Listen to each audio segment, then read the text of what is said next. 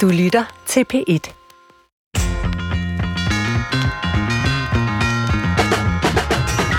De fleste ved, hvem deres biologiske mor og far er. Men der er også mange, som af forskellige grunde ikke kender deres baggrund. Spørgsmålet er så, om det er vigtigt for mennesker. Og hvad vil det sige at flytte et barn fra en familie til en anden? Hvem står tilbage som taber og vinder? Er der forskel på adoptionen på tværs af landegrænser, og så det at blive adopteret inden for et land som Danmark? Det er noget af det, jeg gerne vil undersøge i dagens udgave af Brinkmanns Brix, hvor vi både skal undersøge adoption og tvangsfjernelser. Så velkommen til. Og som mange andre sikkert husker jeg i hvert fald statsminister Mette Frederiksens ord om, at flere børn skulle tvangsfjernes. Det undrede mig lidt, for det kan vel ikke i sig selv være et mål, at flere skal tvangsfjernes. Det bør vel være de rigtige, der skal det. Men måske er der for få, der bliver tvangsfjernet. Derudover har vi i flere år hørt om nogle af problemerne ved transnational adoption, hvor børnene oplever udfordringer senere i livet. Så jeg vil gerne finde ud af, hvad der sker, når børn på den måde bliver fjernet, om det så er på den ene eller den anden måde. Hvad ved vi egentlig om det? Og til rettelægger Christoffer Heide Højer, det kan du nok ikke svare udtømmende på, men emnet har også fundet vej til vores indbakke. Er det ikke rigtigt? Jeg kan på ingen måde svare ud, udtømmende om det. ja, så er det godt, vi har gæster med os. Det er jo det, men øh, jamen, der er kommet, der er kommet, er kommet et par mails for eksempel om det her med transnational adoption, og det er jo, når man adopterer på tværs af landegrænser. Og så det spørgsmål, vi gerne vil svare på, og det er som du lige får nu, Svend, det spørgsmål mm. der, helt oppe fra. Hvad er det egentlig, der sker hos et barn, når det fjernes fra sine forældre? Om det så er fra Køge eller Sydafrika, eller hvad det nu er, og ender i en helt ny konstellation. Hvad er det, der foregår psykologisk? Altså, jeg må jo nok desværre sige, at det er svært at sige noget alment om, fordi børn kan jo blive fjernet af utrolig mange forskellige grunde. Det kan være, at de ikke nogensinde har kendt hverken en far eller en mor. Det kan være, at de lige efter fødslen for eksempel er blevet afleveret øh, på et børnehjem, og aldrig nogensinde har haft øh, forældre, før de så eventuelt får det i et andet land, altså gennem transnational adoption. Det er jo øh, en, øh, en form for, for opvækst, som er helt anderledes, end hvis man har levet i en familie, hvor der så måske sker noget, og ens øh, biologiske forældre ikke er i stand til at tage vare på en, øh, eller gøre noget slemt ved en, eller hvad det nu kan være, mm. øh, og, og, og man så bliver øh, fjernet. Så der er selvfølgelig en hel masse forskellige faktorer, der gør sig gældende. Men det kan også være, at der er noget, som er... Øh, øh, altså nogle, nogle øh, problematikker, man typisk på tværs af de her forskelligheder vil, vil opleve. Øh, fordi man taler jo i psykologien meget om den her tilknytning. Øh, det har vi også tidligere været inde på i, i udsendelser her, når det handler om børn og børneopdragelse. Altså tilknytning mellem forældre og børn i de første leveår. Og det er jo på den ene eller den anden måde noget af det, der bliver brudt ved både tvangsfjernelser og adoption. Mm. Ja, og øh, jeg går jo ud fra egentlig, når man fjerner børn, altså giver dem, og vil give dem et, i går så en nyt, øh, i hvert fald en ny opvækst, et nyt sted at være, så er det fordi, man tror mere på alternativet. Øhm, er det øh, også som du ser det, altså er det noget, man øh, kan slippe godt fra? Ja, det mener jeg jo er et, øh, en kendskærning. Altså, der er jo masser af mennesker, der er blevet adopteret, øh, også øh, som er blevet tvangsfjernet, og som lever gode og frugtbare liv. Øh, heldigvis da. Øh, men så er det jo desværre også en kendskærning, at der er en statistik, der peger på visse udfordringer. Og det gælder så også, så vidt jeg ved, begge grupper. Jeg læste øh, som forberedelse til i dag en undersøgelse, hvor der var dobbelt så høj, ifølge den undersøgelse, dobbelt så høj en risiko for at få en psykiatrisk diagnose i barndommen, hvis man er adopteret, øh, sammenlignet med, hvis man ikke er. Og øh, nu er risikoen faktisk ganske høj i forvejen, så, øh, øh, men, men det er selvfølgelig noget, som... Øh, som er vigtigt at prøve at finde ud af og forholde sig til, øh, med henblik på måske også øh, at, at, at, at løse det problem i, i fremtiden. Så, men selvfølgelig kan det lade sig gøre at få et godt liv som, som adopteret. Ja, og vi skal netop ikke kun tale om det her med adoption, men vi skal også Nej. tale om, når, når staten kommer og bestemmer, at et barn skal fjernes fra en familie. Øhm, hvilke, kan man sige, idealer har vi så ud fra de her, det her valg, som staten så går ind og gør i, i Danmark? Fordi der er jo der må være en idé om, at det barnet bliver budt, ikke er godt nok, og derfor må der være et alternativ, som er bedre. Altså, hvad er det for en idé, vi har om, hvad et barneliv skal være? Ja, det meste af sådan øh, idealet om barnelivet er jo nok implicit, og vi tænker jo nok os, der har haft en god og tryg barndom på, at jamen, det er sådan noget lignende det, der skal til for, at man har et godt øh, børneliv. Men det kan selvfølgelig se ud på mange forskellige måder, og forældre, eller hvad hedder det, familiekonstellationer er, er jo ganske forskellige øh, og, og mange kan være gode på, på mange forskellige måder. Men, men vi har også de her mere formelt øh, udtrykte idealer om børns liv, eksempelvis i FN's børnekonvention, som jeg også slog op i no. øh, i dagens anledning. Det er nogle okay. gange fint ligesom at gå til, øh, til de her øh, grundtekster. Og de beskriver jo børns grundlæggende rettigheder, for eksempel til mad, sundhed, et sted at bo. De beskriver børns ret til udvikling. Det handler om skolegang, fritid, leg, også ret til information.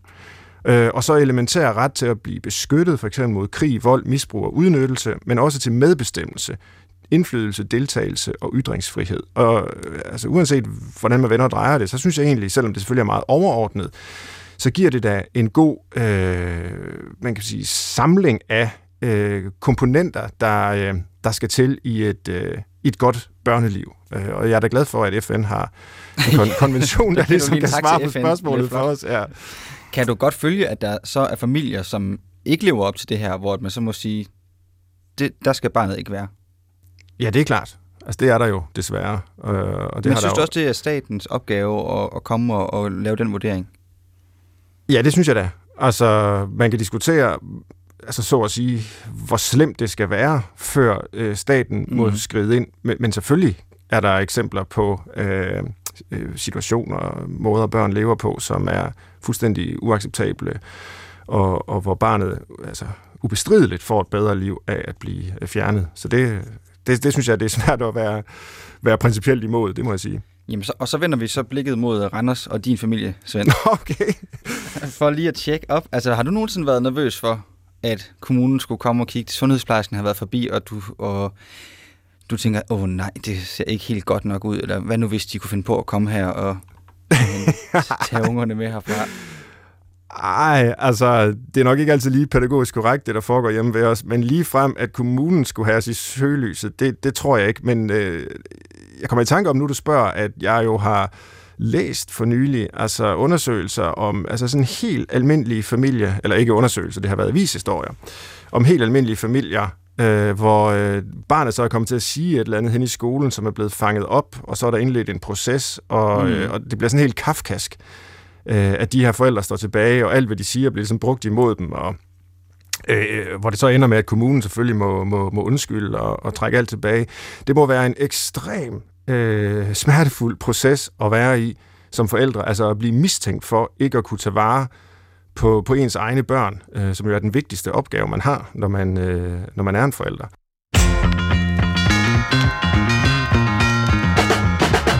Velkommen til Brinkmanns Brix på P1. Vi skal tale om, hvad der sker, når børn bliver flyttet rundt på. Om det så er fra Kina til Danmark eksempelvis, eller fra en lejlighed hos en familie til en institution. Med mig har jeg nemlig to gæster, der har forsket i de fænomener. Og den ene er Lene Myong, og du er professor ved Center for Kønsstudier, øh, Universitetet i Stavanger i Norge. Og så stod du bag Danmarks første Ph.D. om transnationale adoptioner for efterhånden mere end 10 år siden. Velkommen her helt fra Stavanger til dig, Lene. Tak skal du have. Ja, du sidder deroppe på en telefonforbindelse, men den går udmærket igennem. Tusind tak for, at du er med fra Norge. Og vores anden gæst er Cecilie Bjerre. Du er øh, postdoc og historiker på Institut for Historie og Danish Center for Welfare Studies ved Syddansk Universitet, og du har skrevet bogen Når staten er far og mor på baggrund af din Ph.D. Også en varm velkomst til dig, Cecilie. Tak for det. Vi skal både øh, vil sige, høre om øh, det ene og det andet forskningsfelt, I har arbejdet med, og også prøve at se, om der er nogle overlappende forhold, vi kan diskutere og, og måske blive klogere af at bringe transnational adoption sammen med, med, med tvangsfjernelser. Øhm, men, øh, men lad mig prøve at høre dig først, Lene Myong. Øh, hvad er transnational adoption, udover at det er adoption på tværs af landegrænser, og hvorfor forsker du netop i det? Hvis jeg skal starte med det sidste først, mm. så øhm, har jeg længe haft øh, en interesse i adoption, øhm, og også i min egen baggrund som øh, koreansk adopteret. Og jeg kan ikke huske øh, præcis hvornår, men altså på et eller andet tidspunkt i, i 90'erne, øh, der begynder jeg for alvor at øh, lede efter øh, forskning om øh, adoption. Og der går det op for mig, at der findes øh, ikke øh, specielt meget forskning i Danmark. Og den forskning, der på det tidspunkt øh, findes, øh, den er for det første ikke øh, udført af adopteret selv, og for det andet så finder, finder jeg også ud af, at øh, det ikke er en forskning, der stiller sig specielt øh, kritisk an til adoption. Øhm, og det er med til ligesom at, at um, altså vække min interesse øh, for adoption. Øhm, og på det tidspunkt så sker der også en masse andre ting øh, i adoptionsfeltet. Øh, adopterede begynder, koreansk adopterede øh, begynder at rejse tilbage til Korea i, i større antal.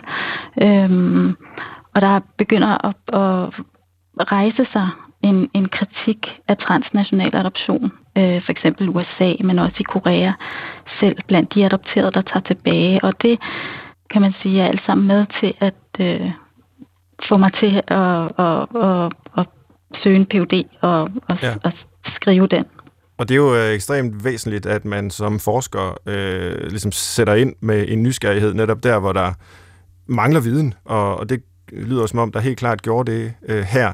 Men og nu skal vi ikke tale om den gamle forskning og dens mangler, men mere om, øh, om dit, dit eget arbejde siden. Men jeg kan ikke lade være med at spørge om, når du siger, at den, den gamle forskning ikke var særlig kritisk, øh, så er det ikke bare fordi, der ikke rigtig var noget at kritisere vedrørende transnational adoption, eller, eller hvad? Altså, hvad handlede det om? Hvad var, var det for en type forskning dengang? Altså, det vil, jeg tror, det er forkert at sige, øh, at, den, at den var ukritisk. Altså, den var, øh, det, det er ikke det, altså, hvis jeg skal øh, øh, korrigere mig selv lidt der, men den, den var ikke en forskning, som for alvor øh, øh, stillede spørgsmålstegn ved øh, legitimiteten af okay. transnational adoption. Det var en forskning, som i meget høj grad øh, koncentrerede sig om øh, den adopteredes tilpasningsevne, øh, mhm. for eksempel. Øhm, og det var en forskning, som, som hele tiden gik ud fra, fra som præmis, at øh, transnational adoption er øh, øh, altså et øh, positivt fænomen, øh, og noget, som øh, vi egentlig bare bør forsøge at, at øh, forbedre. Så jeg savnede sådan en mere øh, grundlæggende kritisk indstilling til adoption, og så var der masser af spørgsmål, som jeg også øh, øh, syntes, at den, den tidlige forskning øh, sprang meget let hen over. For eksempel spørgsmål om racisme. Ja. Øhm, mm. Lad os vende tilbage til alt det lige om lidt, men øh, inden da skal vi også lige have introduceret dig, øh, Cecilie Bjerre, og høre om, om dit forskningsfelt. Hvorfor blev du interesseret i anbringelser af børn som, øh, som historiker? Ja, ja, min indgang har, eller er helt bestemt anderledes end, end Lenes. Øh, jeg faldt lidt tilfældigt over børneværnet, da jeg sad og skrev speciale om forældremyndigheds- og samværssager i øh, 1920'erne i København. Og der faldt jeg bare over flere sager, hvor øh, efter den her behandling, øh, hvor altså, øh, overpræsidiet i København skulle vurdere, hvem skal have samvær med barnet, hvem har ret til hvad, øh, at der, der var der flere tilfælde, hvor, hvor de så øh, endte med at sende børneværnet ind over. Mm. Øhm, og så begyndte jeg at interessere mig for, for børneværnet og, og anbringe sig. Hvornår er det, vi anbringer børn, øh, og på hvilke øh, baggrunde? Ikke? Altså, hvad er det for nogle årsager, vi har til, til at anbringe børn? Og det er et meget svært spørgsmål at svare på. Og hvad så med det historiske perspektiv? Altså det der, det kan man vel undersøge fra alle mulige vinkler, men hvorfor netop øh, en historikers blik jeg har så valgt at, at undersøge, altså fra den første børnelov, vi får i Danmark fra 1905, og så frem til 1975, hvor mm-hmm. vi mhm. får bistandsloven. Så det, det er en tid, hvor vi har øh, børneværnet til at anbringe børn. Øh, også tidligere hed det værgerådet, og så bliver det så til børneværnet. Øhm, og det, jeg tror, man kan som historiker, det, det er jo, at der er selvfølgelig, for det første er der en, en vis afstand, og der er øh, nogle mønstre, vi kan læse over tid, som kan være svære at se ud fra den enkelte sag. Øh, så det er det, jeg har været meget interesseret i. Hvad er det for nogle kontinuiteter, øh, og selvfølgelig også forandringer, øh, der var spore over tid i det her arbejde med anbringelser, mm. som jo er præget af at være en stor gråzone. Ikke? Altså, vi ja. forestiller os tit, at der er øh, de her meget skandaløse og lige til skandalesager, men langt størstedelen er jo øh, øh, sager, hvor det er meget svært for, for, for dem, der går ind i hjemmet og vurderer, er det her uacceptabelt nok? Øh, er det ukærligt nok? Så tak for at have introduceret jeres øh, perspektiver, som jo altså så både er det transnationale og det øh, historiske øh, med hensyn til adoption og anbringelser. Så vi er, er godt klædt på. Og så vender jeg mig igen mod dig, Lene. øh, og vil gerne høre nærmere om din øh, forskning inden for transnational adoption. Du var inde på, at der var øh, en bestemt øh, forsknings øh, eller et, et forskningsblik, øh, som måske nærmest tog for givet, at øh, man reddede de her børn. Altså det var bare en, en god handling, så hvorfor sætte spørgsmålstegn ved det? Øh, og, øh, og så gik du ind i det med nogle andre blikke.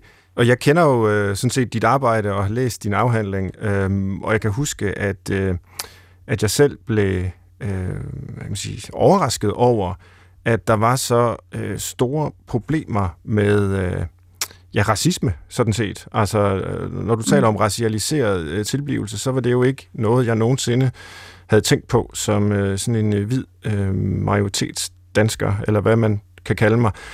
Øh, og at det overhovedet skulle være et problem for øh, transnationalt adopteret, øh, var, var, var, var nyt for mig. Men det beskriver din afhandling jo, at, øh, at det i høj grad er et problem. Kan du, kan du prøve at folde det lidt mere ud? Altså, hvad er det, man typisk oplever øh, som adopteret øh, i, i forhold til, til øh, racismeproblematikken? Først og fremmest så øh, kan jeg måske sige, at der er... Øh, altså, det jeg prøvede med afhandlingen, det var at pege på, at øh, altså der er øh, den racisme øh, og den racialisering, som adopterede øh, oplever, øh, eller vi oplever i, i sådan vores, øh, vores dagligliv, som vi oplever i adoptivfamilien og i vores hverdag. Men så er der også spørgsmålet om den racisme, som understøtter det transnationale adoptionssystem, og som er med til øh, kan man sige, at, at facilitere denne her øh, fordeling af børn og flytning, forflytning af børn fra nogle bestemte dele af verden og så til for eksempel Danmark. Men hvis vi skal få starte med det her spørgsmål om, om racialiseringen mm. i, i øh, øh, sådan den enkeltes liv og på et hverdagsplan, så handler racialisering om, om forskelliggørelse. Og noget af det, jeg dengang kunne, øh, altså fandt i mit materiale, det var det, jeg på det, det, det tidspunkt kaldte øh, farveblindhed, men som jeg nok i dag vil kalde raseløshed eller raseblindhed, som handler om øh, ikke som sådan en, en fornægtelse af forskellighed. Det var ikke forskelligheden i sig selv, der blev benægtet eller fortrængt, øh, men derimod øh, de uligheder og magthierarkier, som skabes gennem racialisering. Mm. Og det gav sig udslag i, i det, jeg også kaldte en form for racial stillhed øhm, i for eksempel adoptivfamilien, i de fortællinger, jeg analyserede på. Altså man talte ikke om oplevelser med racisme. Mm, svaret på, på de her oplevelser blev i stedet for, hvad man kan kalde enshedsgørelser, øh, tilpasning, investeringer i tilpasning og assimilation i forhold til for eksempel danskhed. Altså man kunne ligesom nedtone forskelligheden ved at gøre de adopterede øh, danske. Mm. Men hvad er det konkret for nogle oplevelser, adopterede kan have, som der så bliver ja, fortidet, eller altså, som der i hvert fald ikke bliver talt om i, i deres familier i Danmark? At blive kaldt navne, at blive mm. øh, øh, udpeget som anderledes og, og mindre værdige. Og, altså, der var sådan ligesom en, en hel række af, af, af forskellige former for, for sådan oplevelser og erfaringer øh, med racisme, som jeg oplevede, at dem, jeg interviewede i hvert fald, havde ikke i særlig høj grad i talesat øh, eller talt om med deres med for eksempel deres øh, adoptanter. Mm. Øhm, kan du sige noget om, hvor, øh, Øh, altså fordi det her spørgsmål om, hvem man er, hele identitetsspørgsmålet, øh, det, det var et af vores udgangspunkter for at lave det her program. Altså, hvordan bliver man til en nogen? Hvordan opbygger man en identitet, når man ikke ligner sine forældre og sådan noget? Og man, man er jo dansk som adopteret, øh, men man har nogle, en, et, et, en anderledes måde at se ud på, simpelthen, end flertallet af, af mennesker, der er danske. Øh, kan man sige noget om, hvad det betyder for, for ens identitet? Øh, jamen det er rigtigt, at jeg tror, at øh, langt de fleste adopterede, eller det er mit indtryk, at langt de fleste adopterede i et eller andet omfang, i varierende omfang måske, opfatter sig selv øh, som danske, men rigtig mange adopterede, og især fra min generation, øh, eller fra de tidlige generationer måske, har, er jo har jo også i meget høj grad blevet øh, socialiseret til og opdraget til, at øh, vi kun skulle være danske, og alt andet skulle vi være i mindre grad. Øhm, og det har måske ændret sig lidt i dag, hvor at der opmuntres øh, adopteret i højere grad, måske opmuntres til sådan nogle dobbeltidentiteter, ikke? Mm. Øhm, hybride identitetskategorier osv. Man kan sige, at assimilationen til danskhed var meget stærk øh, for de adopterede, jeg interviewede, som er født i, i 70'erne og 80'erne. Men jeg vil sige, det er den jo, eller det er den stadigvæk. Altså ja. danskheden som Øh, øh, sådan en assimilerende norm er utrolig stærk. Og man kan sige, før jeg havde læst din afhandling, så ville jeg nok til det, du siger nu, have tænkt, jamen, det er da simpelthen også bare for galt, hvis måden, man ser ud på, ens hårfarve, ens øh, ansigtstræk, ens øh, højde og drøjde osv., altså den slags øh, kropstegn, at det er da simpelthen for galt, hvis det overhovedet skal have nogen betydning for, hvordan man bliver behandlet. Så målet må da være at blive farveblind, øh, som du kaldte det i din afhandling. altså målet må da være at se bort fra alt det, man kan kalde race. Øh, og alligevel så popper det op, og, og nu siger du, at det er noget, som der bliver talt mere om end for 10-15 år siden. Altså, er det egentlig et, et, et fremskridt eller et tilbageskridt, som du ser det? Ja, det er ikke så enkelt at svare på, Nej. synes jeg, fordi at, øh, at det, jeg i hvert fald argumenterede for dengang med min afhandling, det var, at øh, raceløsheden og de raciale stillheder var med til at øh, konservere eller bevare racismen, ikke? Og, og lade den urørt. Altså, man, ville ikke, man snakkede ikke om den, men Øh, og på den måde så øh, var det også virkelig svært at øh, problematisere den. Altså, nu er der selvfølgelig kommet langt større fokus øh, på racismespørgsmålet, og det er på mange måder, nogle dele af det er i hvert fald positivt, ikke mindst fordi racialiserede minoriteter selv går forrest her, øh, ligesom i den bestræbelse og, og, og selv øh, sætter dagsordenen for nogle af de her øh, diskussioner. Så det synes jeg i hvert fald er positivt. Men samtidig øh, er der også i de her år nu, er det lidt ude på, et, på et andet spor, men samtidig er der også i de her år jo et kæmpe øh, modpres kan man mm. sige, øh, mod antiracismen. Så altså, det er et lidt øh, blandet, blandet billede ja. på tiden, vil jeg sige. Helt sikkert. Og under alle omstændigheder øh, er det interessant, at vi i øh, snakken her går fra transnational adoption til til øh, racisme simpelthen, at, at det var som et, et tegn på, at der øh, er mere at tale om, når det gælder adoption, end bare, øh, jamen, hvordan går det de her børn når de øh, bliver flyttet fra den ene til den anden ende af verden. Men øh, vi vender lidt tilbage til det, om, om, eller vi vender tilbage til det lige om lidt, og øh, først vil jeg vende mig nu igen til dig, Cecilie Bjerre, og øh, spørge til dit arbejde med øh, anbringelser, tvangsfjernelser og, og børneværnet her. Og du har skrevet bogen, Når staten er far og mor, øh, og du var jo lidt inde på det før, men hvad er det egentlig, øh, du har undersøgt der, og hvad er bogens konklusioner? det er et stort spørgsmål nu. Ja, ja, ja det er altid det, det frygtede ja. spørgsmål. Men hvad altså, står der i din bog? hvad, står, ja, hvad står der i Det, min bog handler om, det er jo, altså, hvad er det, der sker, når staten øh, beslutter sig for at træde ind på det her område? Ja. Altså, det, det er jo ikke, fordi vi ikke har fjernet børn før 1905, hvor vi får Danmarks første børnelov. Øhm, men i 1905, øh, efter en kommission, er, det, er, det ligesom blevet, øh, er der ligesom kommet konsensus om, at det, øh, at der er børn, der render på gader og stræder, øh, og, og måske øh, slet ikke øh, bliver holdt tilsyn med, jamen det, det vil vi ikke acceptere, øh, og nu skal staten træde til. Så det er, jo, det er jo en lovgivning, der følger ligesom en række andre sociale reformer, som er ligesom tegnet på, at, at vi har en sådan udbygget statsadministration og kapacitet til at, at udføre nogle af de her øh, reformer. Så det, jeg egentlig har fået været interesseret i, det er, jamen, hvordan er anbringelsespolitikken blevet gjort? Altså, hvad, hvordan er, det er jo i de daglige sådan, rutiner og praksiser, at anbringelsespolitikken bliver til. Mm. Øhm, og det er helt ude i de små øh, lokale øh, kommuner, at det er sket. Øhm, så det er det, jeg har været interesseret i. Hvordan er det så blevet forvaltet både øh, i sådan en stor by som København, men også i en lille jysk landsby, øh, altså flere hundrede kilometer væk fra, fra øh, hovedstaden. Mm.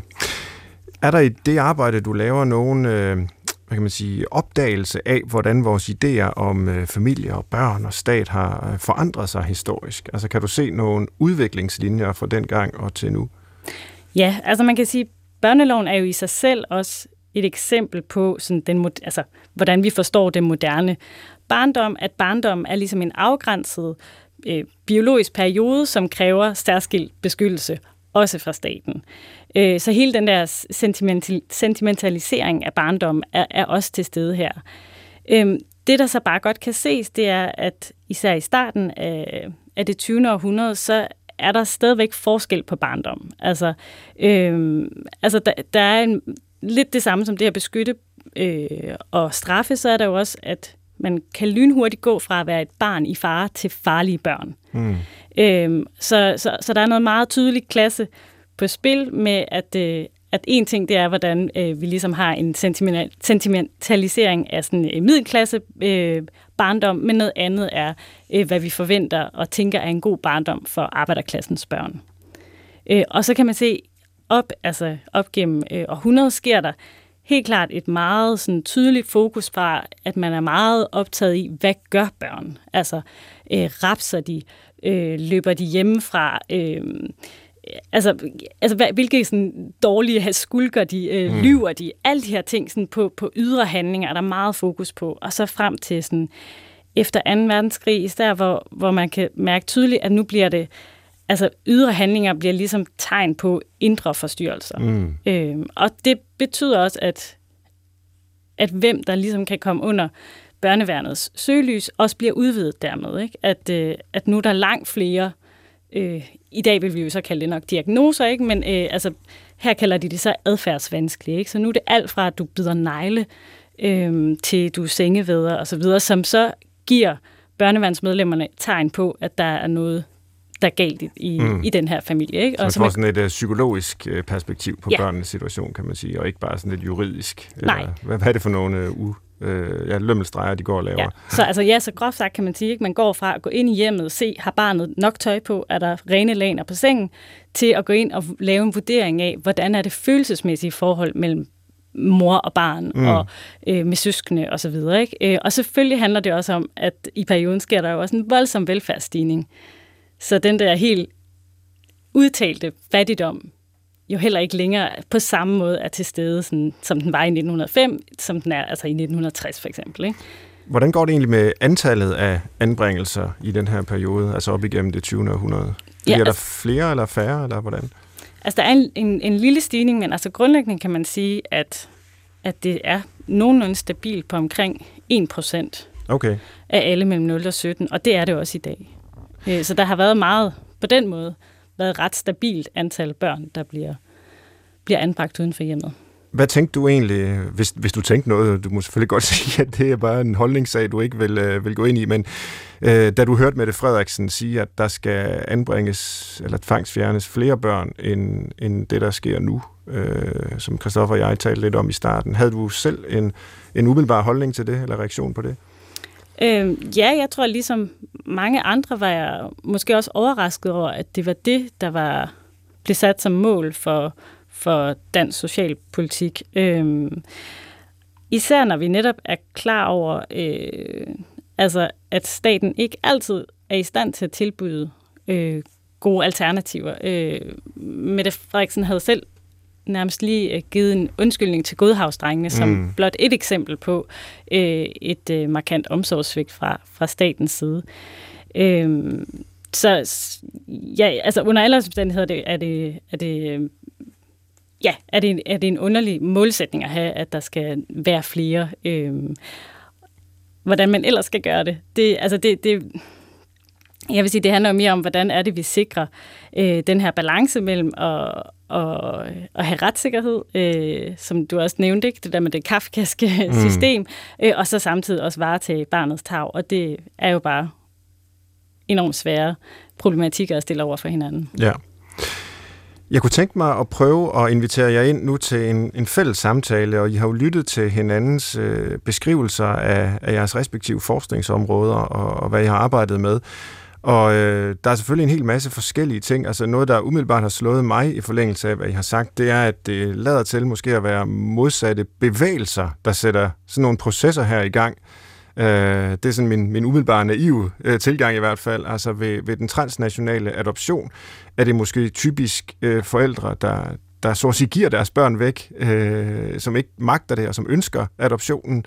Og ved øh, anbringelsessagerne, ja, der er det måske det omvendte, der bliver børnene taget fra øh, biologiske forældre, og så bliver børnene anbragt et andet sted. Og det forestiller jeg mig umiddelbart må, må, må, må give nogle forskelligartede øh, processer, men, men I, I kan simpelthen få lejlighed til at kommentere hinandens øh, arbejde her. Lene, har du øh, tænkt på noget i forlængelse af det, som Cecilia har sagt, øh, som øh, på en eller anden måde relaterer sig til, til øh, dit eget arbejde?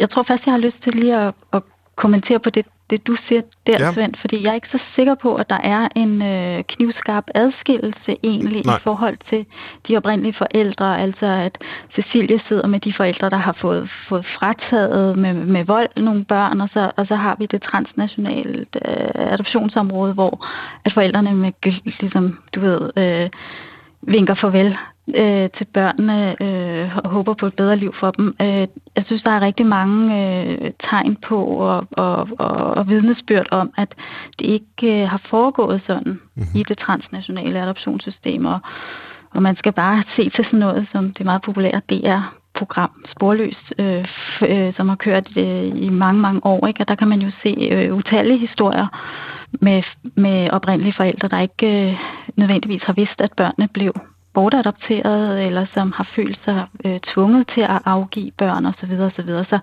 så jeg tror ikke, at der er en så klar linje der øh, mellem, mellem mit og Cecilies øh, felt, og, og men det er jo interessant, at det bliver konstrueret på den måde i hvert fald, eller har været konstrueret sådan, og det er jo også noget af det, der har været med til at legitimere øh, mm. transnational adoption. Hvordan ser du på det, øh, Cecilie? Tror du, der er nogle fælles øh, faktorer, måske også nogle fælles idealer, kunne man sige, der øh, ligger bag vores syn både på adoption og anbringelser? Ja, altså for det første vil jeg også sige, at jeg er helt enig også i det her med, med, med samtykke. Altså der kan man også virkelig se noget, altså, noget der er tydeligt på spil. Ikke? Altså det er faktisk de færreste sager, der bliver øh, fjernet mod forældrenes samtykke. Og så kan mm. vi jo mm. altid gå ind og spørge, netop som Lene også gør, problematisere, hvad er det for et samtykke? Øh, fordi jeg tror, jeg havde under 7 procent, øh, altså igennem hele perioden, som, som, øh, som modsat sig anbringelsen. Men når man så øh, læser øh, journalen og læser den kritisk, så kan, kommer der jo nogle gange lige pludselig øh, en, en, øh, et brev ind fra, fra en mor, der siger, jamen, hvornår er det så, jeg godt må få, få barnet hjem, og som så ikke har forstået, hvad, hvad det her samtykke også indebar. Det mm. indebar, at jamen, du kunne ikke få barnet hjem til jul. Du kunne ikke bare bede om at få barnet hjem igen, eller øh, lige sørge for at rydde op, og så, så, var, den, øh, så var det klaret. Så, så, så, så, så det at give samtykke, det, det, og, og hvornår det er et informeret samtykke, hvornår er borgerne rent faktisk blevet informeret om, hvad det, hvad det øh, indebar, det er jo en, en helt anden sag, end at, end at der, var, der var en del af dem. Og, og andre paralleller, jeg vil dreje, eller, øh, pege på her, det er jo også, øh, der er også hele det her med statens øh, sådan, bedømmelse af forældreskab. Det mm. gælder jo også for dem, der adopterer, ligesom det gælder for øh, plejefamilier. Øh, så, så der er helt sikkert noget med, hvad er det for nogen, der bliver accepteret til at adoptere eller til at tage imod et plejebarn, som, som, som, som også øh, helt sikkert har, øh, har nogle øh, sammenligningspunkter det sidste, jeg vil pege på, det er det, I har talt meget om med, med sådan identitet. Altså hvor man kan sige, særligt de senere år har vi jo set en kæmpe stigning af tidligere anbragte, der søger agtindsigt mm. øh, til deres egne sager. Og nu kan man faktisk, hvis man er anbragt øh, helt ned til 12 år, øh, få adgang til, til ens egen sag. Det viser jo også noget om, at man øh, jo tit mangler sådan helt basale informationer om ens egen opvækst. Man har måske ikke billeder fra barndommen. Øh, man har måske fået meget øh, modsatrettede øh, forklaringer på ens anbringelse fra forældre, øh, fra personale på døgninstitutionen osv. Øh, mm. Så det der, det der ønsker om at få samlet alle brækkerne øh, til puslespillet, er jo noget, der er meget stærkt. Øh, og Ja, det er noget, der interesserer mig vældig meget. Altså, hvor, hvor den øh, trang egentlig kommer fra, og hvad den er udtryk for, og det er selvfølgelig utrolig svært lige at sige, men, øh, men altså noget, jeg synes, man ser vældig mange steder, og altså både i det, som, som Lene beskriver, og det, du beskriver, Cecilie, også. Øh, kan du sige noget om det, Lene? Altså, hvor, øh, altså det her med, at man, man har behov for at kende sin historie, øh, sine rødder, øh, også selvom man ikke kan huske øh, bevidst, at man har levet i et andet land, før man øh, kom med et fly til Danmark? Altså, hvorfor er det vigtigt for, for mange mennesker? Det er, er det jo nok ikke for alle, men, men for, for mange er det til synlædende. Jeg, jeg tror, at... Øh, Øhm, eller i hvert fald når jeg taler med adopterede, har talt med adopter, øh, har interviewet adopterede, så handler øh, meget af det her om øh, øh, at få indblik i, på hvilke vilkår øh, ens adoption er foregået. Øhm, der er rigtig meget, øh, altså der er selvfølgelig også fortællinger om, at, at det kan være vigtigt at øh, vide noget selvfølgelig om, om de konkrete øh, mennesker, øh, der er ens forældre osv. Men der er også rigtig meget øh, øh, bundet op i det her med at få indblik i, øh, hvad der har ført til ens øh, bortadoption, hvordan den er foregået osv.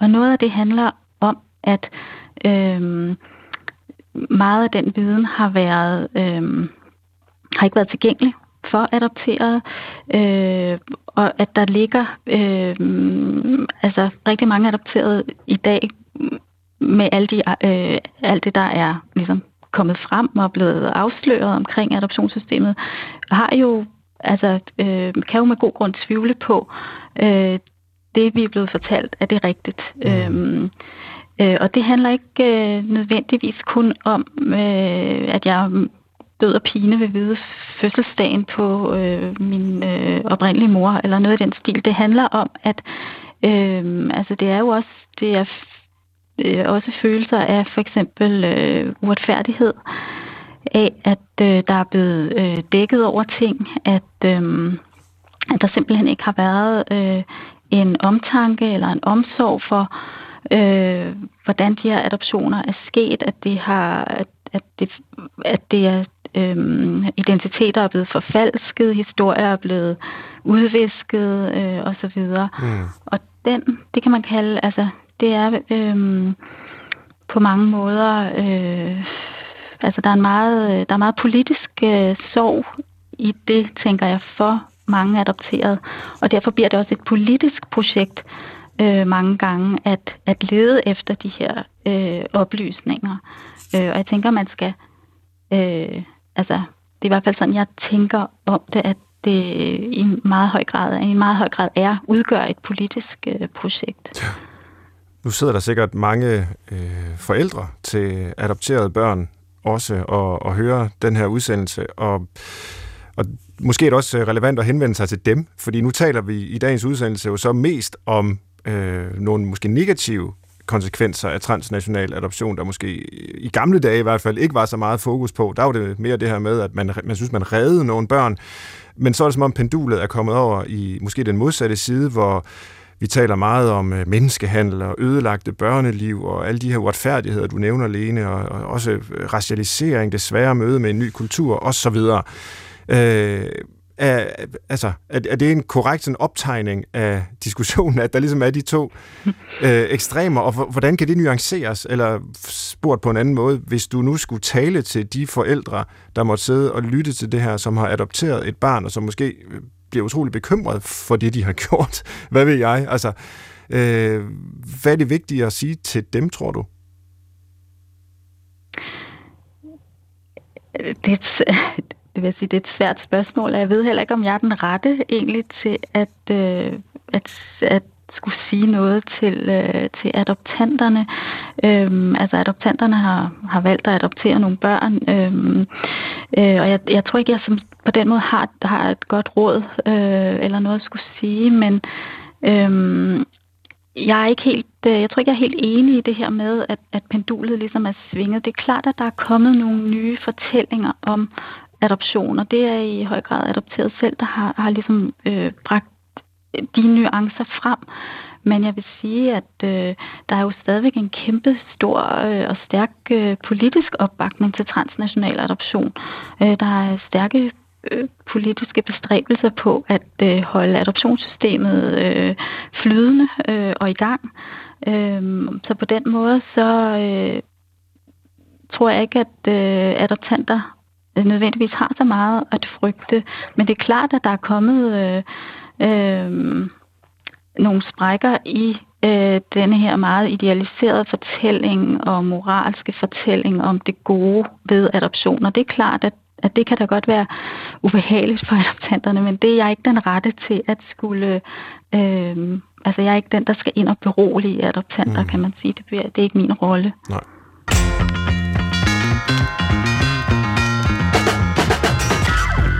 Du lytter til Brinkmanns Brix på P1, og jeg taler i dag med Lene Mjong, som er professor ved Center for Kønsstudier på Universitetet i Stavanger i Norge, og med Cecilie Bjerre, som er postdoc og historiker, og det er du ved Institut for Historie og Danish Center for Welfare Studies ved Syddansk Universitet. Og vi har som sædvanligt også tilrettelægger Christoffer Heide Højer med til at sørge for, at vi ikke overser noget. Og hvad siger du, hvad siger du til det, Christoffer? Hvad, hvad har du lagt mærke til? Altså lige, lige i dag er det en, en større sag. det er der, godt. Er så, der er så mange perspektiver, det der er så mange steder, man kan gå hen. Men det, jeg godt kunne tænke mig at spørge øh, øh, både Lene og Cecilie om, og måske lige første gang Cecilie, fordi du, det ved jeg, at du har noget, noget dansk øh, sige, data på, men hvordan går det så, de her mennesker, børn, som bliver anbragt og kommer et nyt, nyt sted hen? Fordi det er vel også, eller det er også det, vi gerne vil vide i sådan et psykologiprogram. Kan man så få et godt liv? Hvad, hvad, hvad, hvad kan man sige, godsøjne ender det med, når man øh, er flyttet familie, eller flyttet øh, væk fra sin familie? Ja, altså der er jo både gode og, og dårlige historier, men altså hvis vi bare sådan rent statistisk skal se på det, og, og også mm. øh, med sådan et langt historisk blik, jamen så er det desværre øh, ikke en god historie, man kan fortælle, altså fordi det er både i øh, uddannelsesniveau, øh, det er i øh, ledighedstal, det er i kriminalstatistik, øh, øh, selvmord, altså på alle, sådan, hvad skal man sige, de øh, mindre ønskelige parametre, at øh, tidligere anbragte desværre øh, stikker ud. Øhm, og det, det er i hvert fald ikke noget, hvor man kan sige, at der, der er sket sådan positive forandringer øh, hen over tid. Øhm, så det er ikke blevet bedre? Desværre ikke. Og, og noget af det, der jo er rigtig svært ved en anbringelse, det er jo, at den plejer at stoppe, når man fylder 18 år. Øhm, og så har man forsøgt med forskellige tiltag, altså det såkaldte efterværn, øh, som så aldrig helt har fungeret godt. Øhm, og noget andet, som, som øh, man også kan se, altså jeg har for eksempel også prøvet, forsøg, altså, prøvet at kigge på, jamen, hvad er det for nogle muligheder, der bliver budt øh, sådan anbragt, ikke? Øhm, og der har det jo også bare været øh, på et andet niveau, kan man sige. Altså, hvor nogle børnehjem har indrettet sådan forskellige slags værksteder, hvor de så kunne ligesom få en slags uddannelse. Øh, så altså, eller de er blevet sendt i tjeneste rigtig meget. Ikke? Altså, det er selvfølgelig især i starten af, af det 20. århundrede. Øhm, Sparekommissionen i 1923 skriver for eksempel sådan direkte, at man skal jo også sørge for ikke at tilbyde øh, altså, tilbyde bedre alternativer. For det skal jo ikke ligesom, der skal ikke være et incitament for forældre til at få deres børn anbragt. Og så, okay. øh, så, så, og jeg, jeg tror ikke, det er ligesom en bevidst ting, der er hængt ved, men, men det der med, øh, staten har bare tænkt mest over, øh, hvad vi gør op til en anbringelse, og så måske knap så meget, hvad der så både sker, når et barn først er anbragt, øh, hvad der så skal ske, men, men så også især, hvad skal der så ske, når man er fyldt 18 år, øh, og måske mm. har man ikke længere noget at gøre med sin plejefamilie, og kommunen har i princippet heller ikke øh, sådan direkte opfølging på en. Øh, hvad er det så, der skal ske? Eller man er i gang med sit gymnasie, altså uddannelse, ikke? og så, så skal man lige pludselig flyttes, fordi man fylder 18. Øh, Ja. Må jeg komme ind med et lille supplerende spørgsmål? Fordi et er, Cecilie, du beskriver, hvordan historien øh, ikke er særlig god, når man ser på tidligere anbragte, men er der nogen som helst evidens for, om det vil være gået endnu værre, hvis ikke de her børn var blevet anbragt. Altså det må være utrolig svært at finde ud af, men selvom der også bliver brugt, øh, altså selvom det bliver brugt som, som en straf, så er det jo alt andet lige noget, vi, vi primært gør, håber jeg da, for at hjælpe de her børn til et bedre liv. Uh, et er, at de så statistisk set får et svært liv, men kunne det være blevet endnu sværere, hvis ikke vi havde handlet, eller hvis ikke staten havde og det er der jo helt sikkert tilfælde, hvor det, hvor det ville. Mm. Øh, og det er jo bare der, hvor det, det, det... Det, jeg tænker, man kan sige, det er, lige nu virker det i hvert fald ikke så øh, som et øh, super alternativ, mm. man har. Øh, og det har sådan har det så, det skal vi også huske på, det, sådan har det så altid været. Ikke? Øh, når man går ind og ligesom tænker, her er ikke rart at være øh, for noget barn, men hvad er det, jeg kan tilbyde øh, i stedet for? Øh, og det, det er jo nogle hårde sådan, vilkår også øh, for, for sådan, øh, socialrådgiver øh, at stå i. Mm. Lene, har du noget overblik over, hvordan det går øh, øh, adoptiv børn, øh, når de øh, er blevet flyttet? Eller man kan sige, når de her er blevet adopteret? jeg tror, hvis man, øh, mit indtryk er, når man, når man læser på statistikkerne, så vil man nogenlunde se også det samme billede, som det Cecilie øh, optegner øh, for anbragte børn, altså øh, adopteret. Øh, der er en højere selvmordsrate osv. Øh, men jeg tror, jeg vil Altså, jeg kunne tænke mig at, at ligesom angribe det på en lidt anden måde. Øh, fordi der er, altså, det har ligesom været grundspørgsmålet i øh, både adoptionsforskning, men også øh, mere generelt i forhold til adoption. Hvordan går det med de adopterede? Øh, og der kunne jeg tænke mig, at man kunne... Altså, jeg, jeg synes, man skulle prøve at stille nogle nye spørgsmål i virkeligheden. Fordi, altså, hvordan går det med adopterede? Øh, går det godt, eller går det dårligt? Øh, altså, men målt op imod hvad, kan man sige. Og det, der er øh, ligesom problemet øh, med altså det, der bliver øh, ligesom min, mit problem med det, er, at adopterets identitet bliver ligesom brugt som sådan et øh, legitimerende parameter for transnational adoption. Altså hvis det går godt for adopteret. Øh, mange vil mene, at jeg for eksempel er det et, et eksempel på, på, på øh, en, der det er gået godt for. Jeg sidder her og professor i dag. Øh, mm. øh, eller går det, altså, så bliver det sådan et eksempel på, hvor godt det er, altså at hvor transnational adoption er, er leder til noget godt. Øh, hvis det nu var gået dårligt for mig, øh, så bliver det brugt som et argument for, at øh, vi skal gøre transnational adoption bedre, at vi for eksempel skal have flere støtteordninger og psykologtimer øh, øh, osv. Øh, og på den måde bliver, øh, altså jeg, øh, jeg kan mærke, at jeg, jeg tøver, øh, og jeg mærker sådan en, en, en modstand mod at, øh, øh, eller vil i hvert fald gerne formulere en slags modstand mod den måde, som adopterets identitet og vores øh, eksistens bliver brugt på øh, øh, i de her øh, diskussioner øh, om hvilke, hvilke for spørgsmål, transnational adoption. Hvilke spørgsmål er det så, man kunne stille i stedet for? Eller hvilke vinkler kunne man angribe det fra? Jamen, man kunne for eksempel stille sig selv spørgsmålet, hvordan kunne vi... Øh, hvad er det for nogle alternative øh, omsorgsmodeller, øh, øh, vi kunne forestille os? Hvordan kunne vi støtte øh, forældre, der befinder sig i en udsat øh, situation eller position? Hvordan kunne vi støtte dem på andre måder? Øh, jeg tror ikke, at det er sådan, at øh, folk, der eller meget tyder på, at, at folk, der der får bortadopteret deres børn. Det er ikke sådan, at de øh, nødvendigvis ikke har øh, forældreevne eller øh, ikke ønsker at være forældre for børnene, men de kan for eksempel befinde sig i en økonomisk øh, eller socialt øh, udsat position. Hvordan kunne vi støtte øh, dem på nogle andre måder end ved at øh, flytte, forflytte øh, børn? Det kunne for eksempel være et af de spørgsmål, man kunne stille. Ja, her til sidst, i forlængelse af, hvad, hvad Lene er inde på, så øh, kunne vi måske lige vende øh, ja, nogle af de andre spørgsmål, som man kunne stille til jeres respektive områder.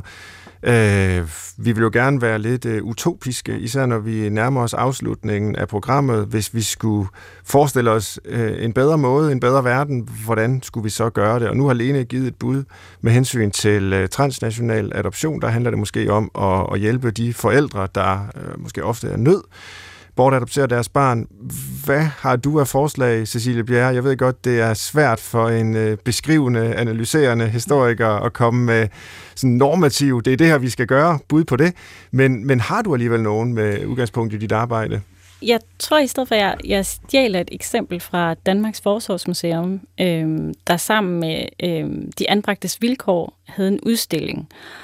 Og gæsterne blev så først, altså før de trådte ind i udstillingen, øh, blev de spurgt om, altså skulle de, blev de bedt om at skrive ned, øh, hvad er en god barn, barndom? Mm-hmm. Og der skrev de jo alt muligt med tryghed og omsorg og leg, og altså det, det vi nu de fleste tænker, når man siger, hvad er en god barndom.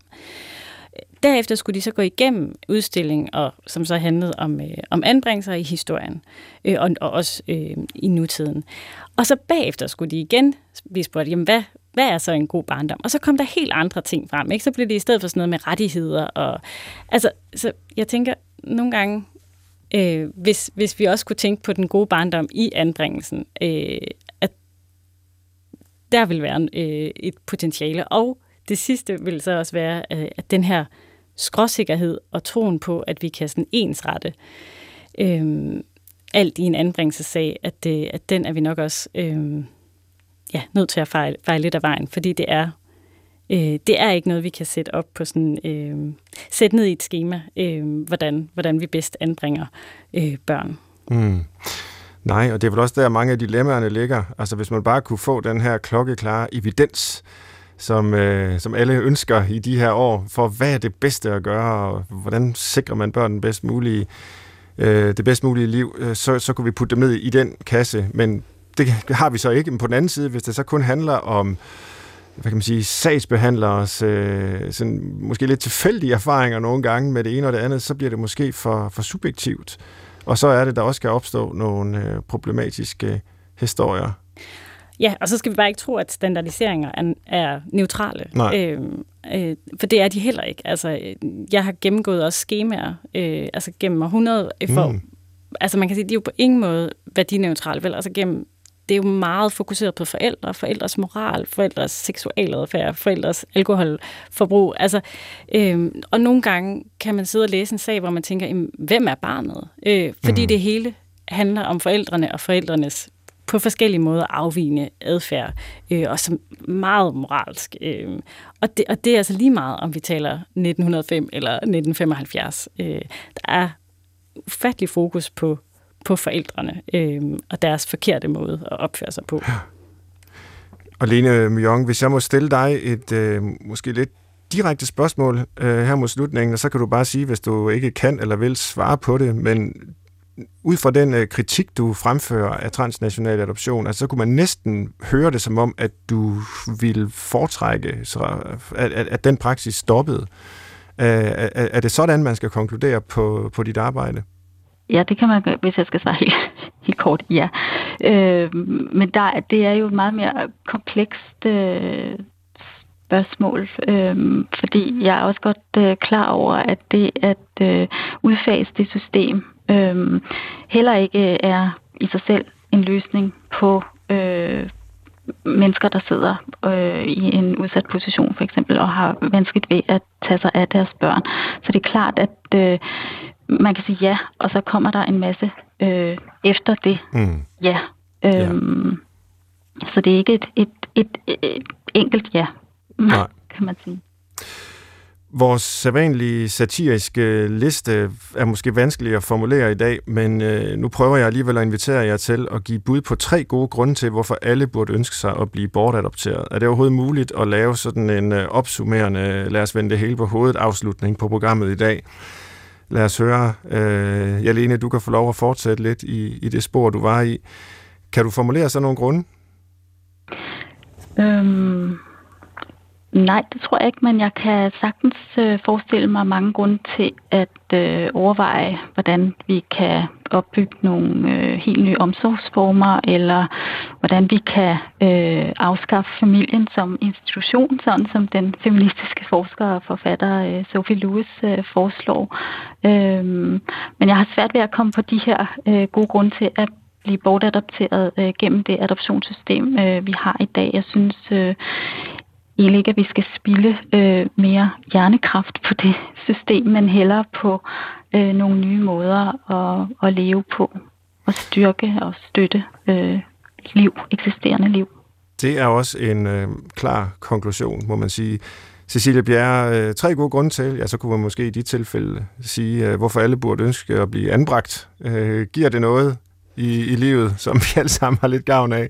Det gør det nok ikke. Mm, nok ikke. Altså man kunne sige, i forhold til, altså der er jo også en, ligesom en, en, et stigende øh, politisk pres for at få flere øh, adop, altså tvangsadoptioner frem for, for anbringelser. Øhm, mm. Og det gør man jo netop øh, for at undgå nogle af de problemer, der er i anbringelsessystemet, som altid har været der, netop altså manglende stabilitet. Ikke? Altså barnet kan blive flyttet øh, ja, inden for fem minutter, var jeg ved at sige, ikke? Øh, og, og blive placeret i et nyt sted.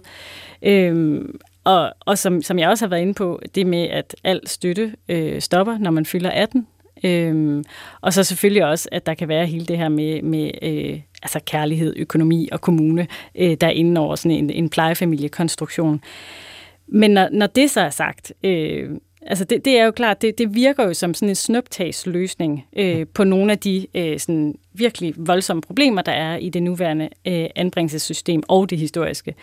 Øh, jamen så, så, så betyder det jo også en masse andre ting. Altså netop som vi kan se øh, med altså, øh, eksemplet med folk søger øh, adgang til deres journalsager. Folk er altså rent faktisk interesseret i at forstå og kende øh, deres egen historie.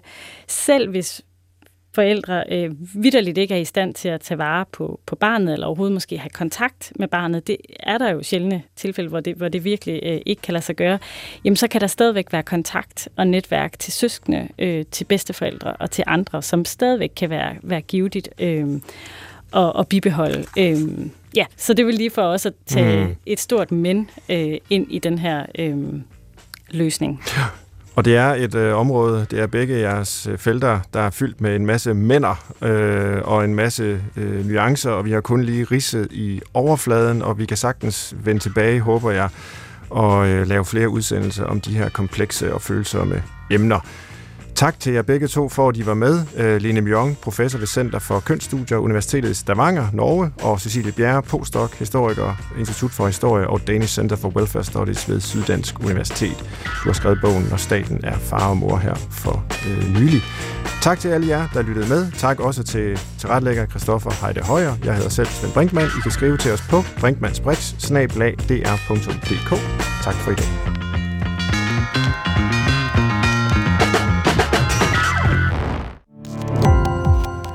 Gå på opdagelse i alle DR's podcast og radioprogrammer. I appen DR Lyd.